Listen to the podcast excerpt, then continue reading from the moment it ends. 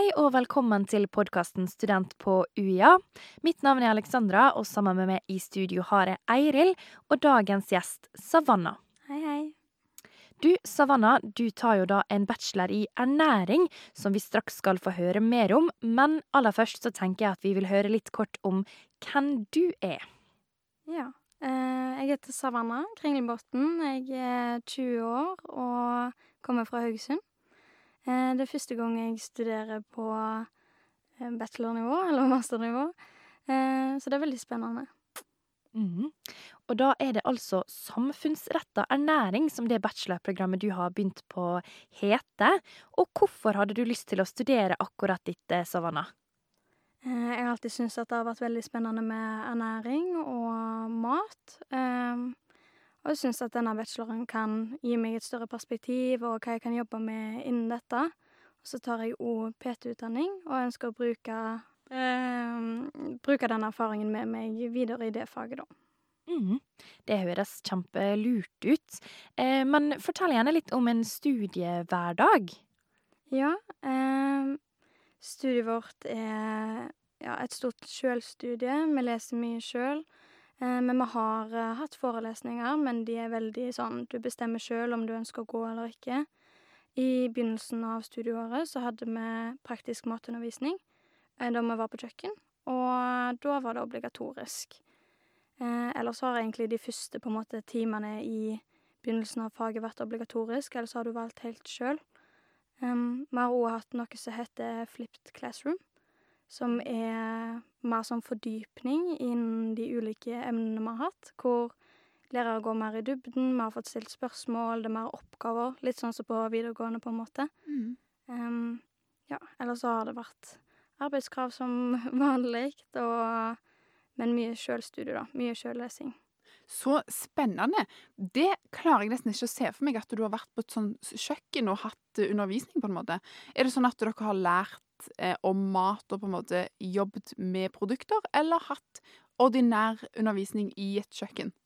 Um, vi hadde veldig forskjellig. I begynnelsen så var det mye regler og ja, hvordan hygienen var og sånne ting. Og så etter hvert så var det de ulike temaene vi hadde i kapitlene i faget. Og gikk litt mer inn de, da. Så vi hadde eh, allergier, vi har hatt bærekraft. Um, og fått på en måte ulike oppgaver, da, innen de ulike temaene som vi måtte praktisere på kjøkkenet.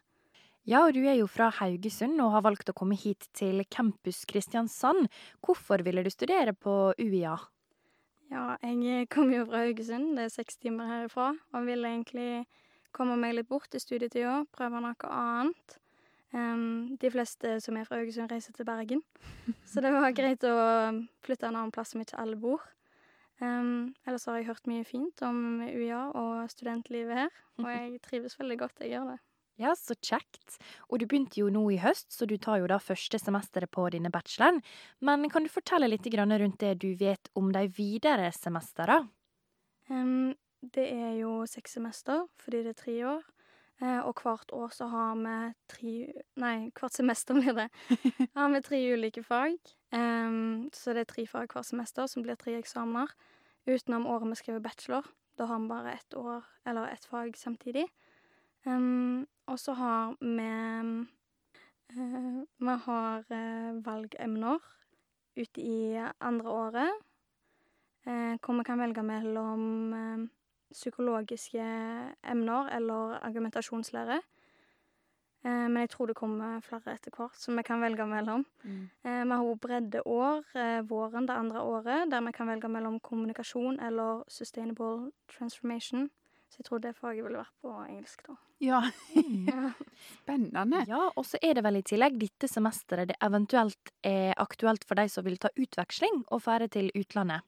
Eh, det blir neste år. Ja. Ikke første året, men andre året på ja. Andre året på våren, fjerde semester. Mm. Så da Mhm. tror jeg du kan ta valgfagene dine i utlandet, da. Spennende. Veldig spennende. Men jeg er litt interessert i å høre om, når du ser på den lista over ting du kan velge å ta valgemner og bredder, har du gjort deg noen tanker om hva du har lyst til å ta videre? Eh, jeg hadde psykologi på videregående. Mm. og syns det har vært veldig spennende.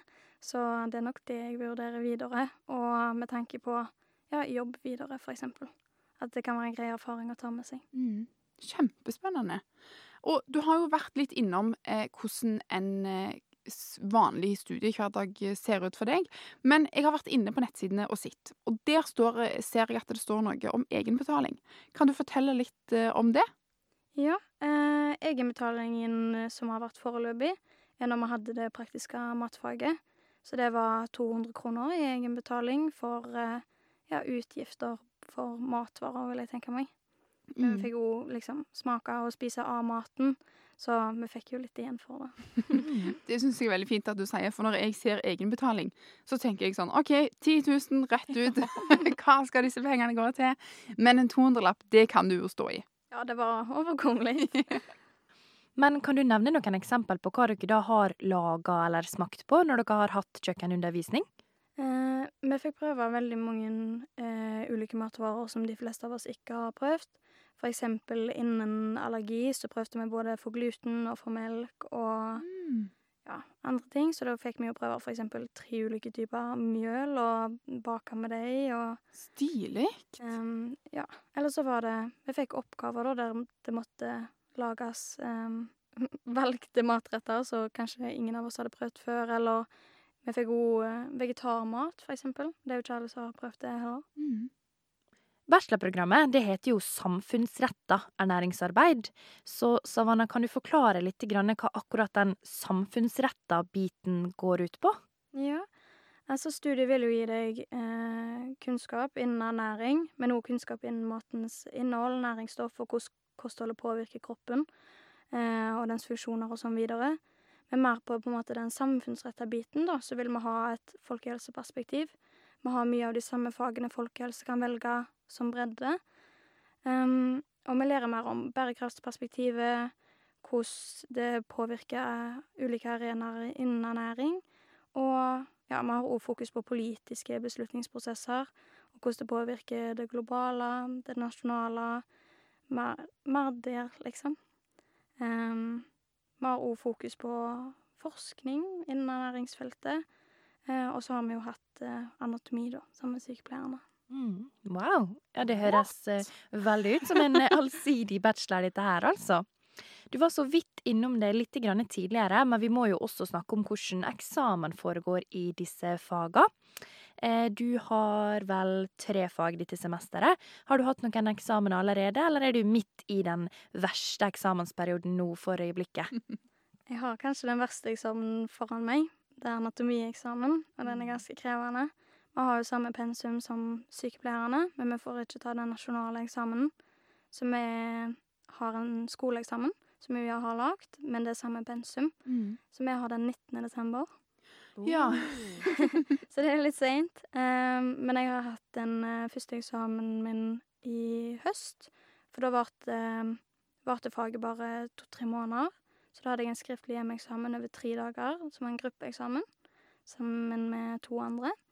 Eh, og den siste hadde jeg nå uka som var. Eh, det var en skoleeksamen på fire timer.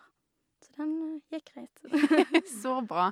Så du har vært innom litt forskjellige eksamensformer. Mm. Vet du noe om hvilke former for eksamener du skal gjennom seinere i studieløpet? Jeg vet iallfall at eh, videre, neste halvår, så er det både multiple choice, det er muntlig, det er prestasjon. Så det skifter hele tida. Du får prøve deg på litt eh, av hvert, altså.